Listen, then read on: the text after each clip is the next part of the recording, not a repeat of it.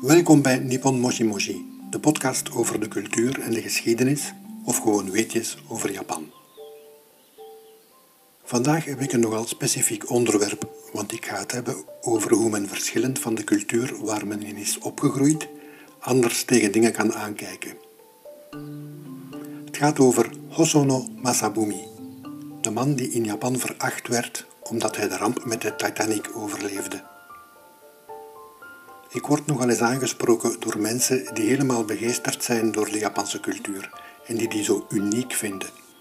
Zo heel anders dan de onze en zo verfijnd. Meestal begrijp ik wel wat ze daarmee bedoelen en het is altijd goed bedoeld, maar toch weet ik nooit goed hoe ik daarop moet reageren. Omdat ik dat zelf niet altijd zo expliciet aanvoel.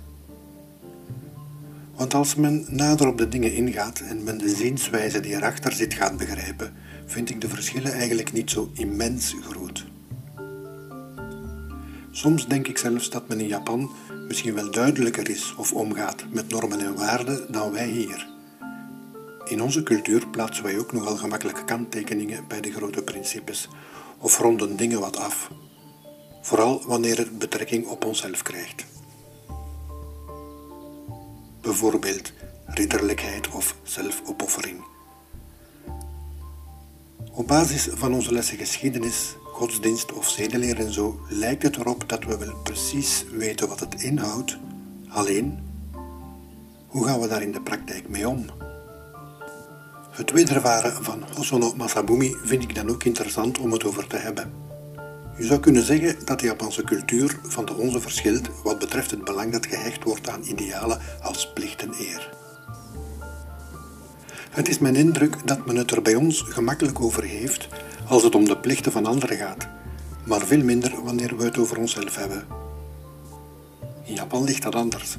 Zo speelt het concept van schaamte bij Japanners zwaarder door bij de gemiddelde mens omdat de maatschappelijke verwachtingen ten opzichte van het individu binnen de Japanse samenleving heel groot zijn.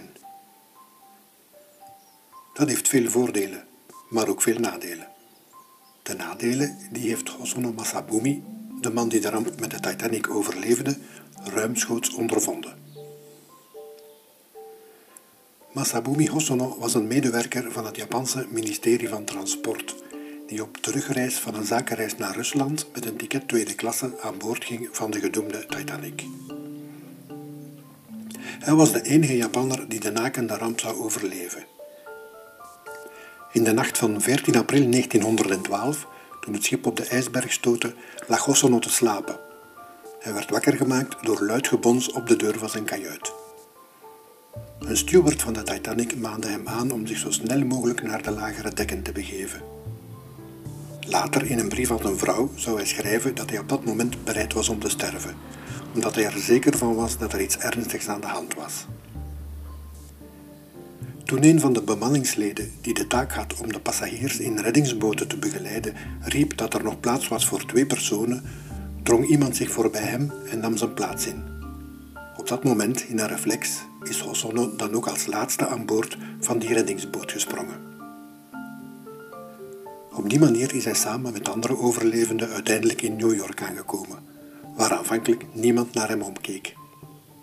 Het is met de hulp van vrienden dat hij erin slaagde terug te keren naar zijn geboorteland.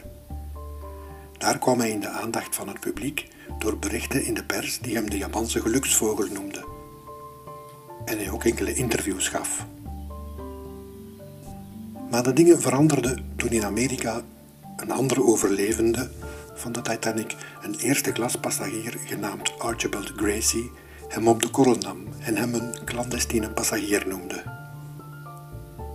Die beweringen werden door de Japanse kranten klakkeloos voor waarheid aangenomen en ze begonnen artikelen te schrijven waarin ze Hosono beschuldigden te hebben overleefd daar waar er zoveel de dood vonden.